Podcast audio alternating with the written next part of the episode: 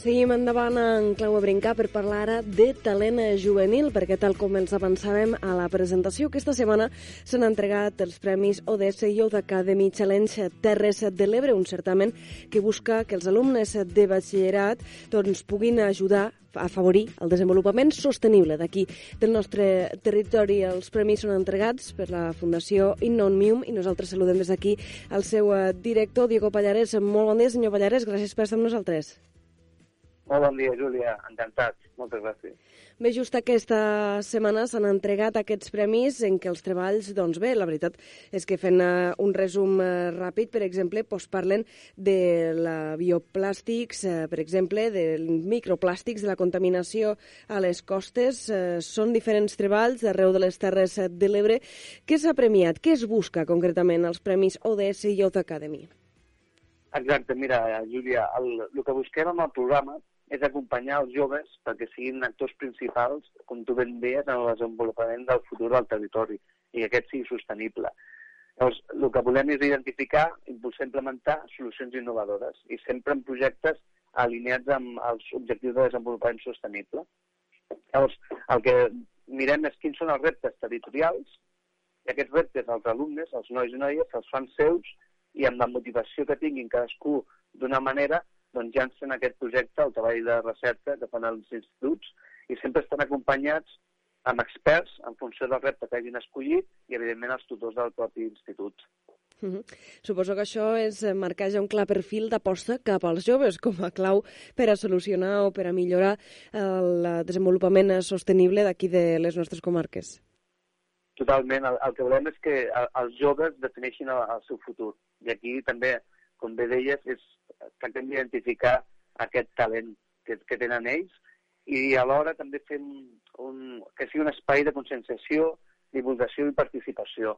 De, de, de la societat tenir consciència de la importància de, de fer projectes que ens ajuden a millorar el nostre entorn i el que és el Terres de l'Ebre doncs encara més, no? pels impactes mediambientals que, que, hem, que hem viscut i que veiem que el canvi climàtic ens afecta molt directament.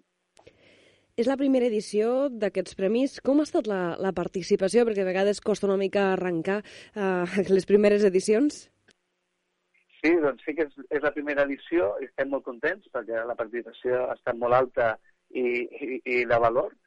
Són 41 alumnes de set instituts de les quatre comarques, de la Ribera d'Ebre, Terra Alta, Baix i Montsià, i molt implicats tant els alumnes com els tutors i amb aquest esforç d'acompanyament de, de, dels, dels experts, doncs hem obtingut un, realment uns projectes molt, molt interessants i de fet vam canviar una mica el concepte del premi, perquè inicialment volíem premiar un únic guanyador, però vam ampliar una mica el pressupost i també veient la qualitat dels treballs i els diferents punts de vista dels nois i noies, doncs vam decidir ampliar els premis. I com tu bé deies, hi ha un primer premi que és a, a, a la Núria, que els, ella es focalitza en la problemàtica dels plàstics i busca una solució amb bioplàstics, no? I ha fet una experimentació. Hi ha un segon treball que també busca com recuperar la costa mitjançant dunes um, fixant la vegetació, no? I un tercer, també microplàstics, amb una altra visió més social, involucrant a la gent en recollida de, de plàstics en el territori i també fent enquestes uh, a 300 persones per veure com veuen ells l'impacte dels plàstics i quines solucions podríem trobar-hi. No? Llavors es veu una diversitat de projectes molt interessants i de qualitat i per això vam decidir ampliar els, els premis. La veritat és que fa il·lusió veure els joves, doncs, primera, poder desenvolupar aquests treballs de tanta qualitat i segona, també aquesta implicació pel eh, desenvolupament sostenible per poder col·laborar en eh, doncs, evitar problemàtiques o pal·liar problemàtiques que ara mateix pateix la, la nostra costa. Mm, quin recorregut tindran aquests treballs? Doncs mira, el, nosaltres el que hem, hem, hem valorat en els treballs és, és la recerca que han fet, que siguin innovadors, creatius en la solució i també quin impacte social tenen. No? Llavors, la nostra idea és donar continuïtat a aquests projectes. De fet, el premi és, és pagar la, la beca universitària, és a dir, perquè l'estudiant pugui seguir desenvolupant el seu futur. En aquest con concret, la, la primera guanyadora estudiarà Ciències Ambientals, la segona Enginyeria Industrial, però alhora també volem agafar aquests projectes, involucrar empreses del territori per poder dur a terme en un futur, eh, si és factible, aquestes solucions, no? O almenys generar una connexió, una cohesió socioeconòmica dels joves que amb la gent de 20-30 dels ODS ja tindran 27 anys, vull dir, ja estaran totalment incorporats a, a la vida professional, sigui la que sigui, no? I aquest és, és el lligam que volem fer, de, de eh, vinc, reptes al territori, talent jove i l'emprenedoria eh, del, del terreny, de, amb les empreses. -hmm. Ara d'aquí uns instants saludarem també a la, a la Núria Carles per conèixer una mica més en profunditat tot el seu treball, però li volia preguntar, hi haurà segona edició ja d'aquests eh, premis?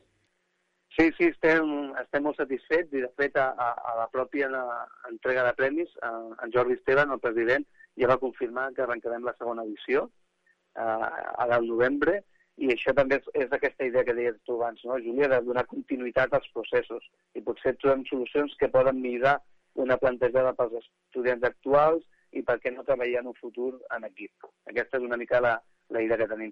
I, de fet, també ja estem ara mateix treballant amb la primera edició a la translació de les conques um, i, i estem molt contents també de la participació. Això que aquesta és una mica de buscar les cohesions territorials. Mm -hmm. Diego Pallares, moltes gràcies per estar avui aquí amb nosaltres i passem ara a saludar l'alumna que ha resultat premiada, Núria Carles. Núria, molt bon dia. Hola, bon dia. Bé, Núria, tu has resultat premiada pel treball bioplàstics, són la solució al problema del littering, i et volia preguntar una mica com has decidit apostar pels bioplàstics, què és el littering, també que ens expliques una mica, i si ens pots donar una pinzellada ràpida, que suposo que és feina molt extensa, de, del treball. que has tractat exactament? Bueno, pues jo des del principi ja sabia que el meu treball lo volia centrar en algun tema de medi ambient, i doncs vaig partir del littering, que és l'abocament de brossa sòlida a la natura, i com que la major part d'esta brossa és, són plàstics, doncs vaig intentar buscar alguna possible solució en aquests plàstics convencionals que tarden tant, tants d'anys en, en degradar-se. I vaig trobar els bioplàstics i m'ha semblat algo molt, molt nou que no s'havia sentit a parlar gaire i vaig començar a investigar, vaig parlar amb molts d'experts per a que em donessin la seva opinió, també en, en gerents i caps de plantes de, de compostatge, i que em van ajudar molt. I també vaig fer la meva pròpia part pràctica, que va ser buscar diversos tipus de bioplàstics i eh, sotmetre'ls a tres medis diferents, un de terrestre, un de aquàtic i un d'aeri, a l'aire lliure. Uh -huh. I eh, vaig observar el seu grau de degradació al llarg de, de 9 mesos. També vaig fer una enquesta per a veure el grau de conscienciació de la població i això és tot, vaig anar investigant. Per als que ens escolten i no ho tenen gaire clar, ens pots explicar també què són els bioplàstics o què es diferencien dels plàstics eh, que consumim nosaltres habitualment? pues los bioplàstics eh, són un tipus de, de, de plàstic però que eh, se degrada en, en condicions naturals i en un temps relativament ràpid, no com els plàstics que poden tardar milers d'anys. Clar, i això suposo que solucionaria el problema d'acumulació a les platges de microplàstics i de plàstics també més grans, evidentment, claro. que hi trobem, no? Exacte. I Núria, t'esperaves eh, quedar primera d'aquests premis quan t'hi vas presentar o tenies la, la intuïció de que podria anar tan bé el treball? Que va, no, no m'ho esperava gens perquè s'hi ha presentat molta gent i n'hi havia temes també molt, molt originals i que tenien moltes possibilitats també i gent molt bona. I la veritat que no m'ho vaig creure quan m'ho van dir que havia quedat primera m'ha de sorprendre. Home, des d'aquí, evidentment, desitjar-te la més gran enhorabona. A tot això, Núria, quin recorregut tindrà ara aquest treball? Bueno, no ho sé. Jo, a mi m'ha servit per a, per a saber el que vull estudiar i ara estic fent ciències ambientals. Ah, llavors sí que va, sí que va perfectament en, en concordància. No? Suposo que t'hi trobaràs, sí, a més a més, sí. en aquest problema. molt bé, molt bé. I on has començat a estudiar-ho? a l'Autònoma de Barcelona. Molt bé. I ja te feia temps que t'anava pel cap la idea de voler fer ciències ambientals o, com ens deies, no? que ha sigut una mica arran del treball?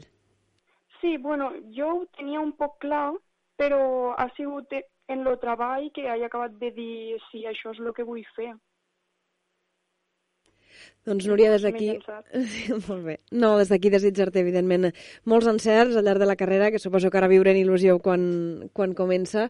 Moltes gràcies per xerrar avui amb nosaltres i també enhorabona per aquest eh, primer premi. Gràcies, gràcies a tu per invitar-me.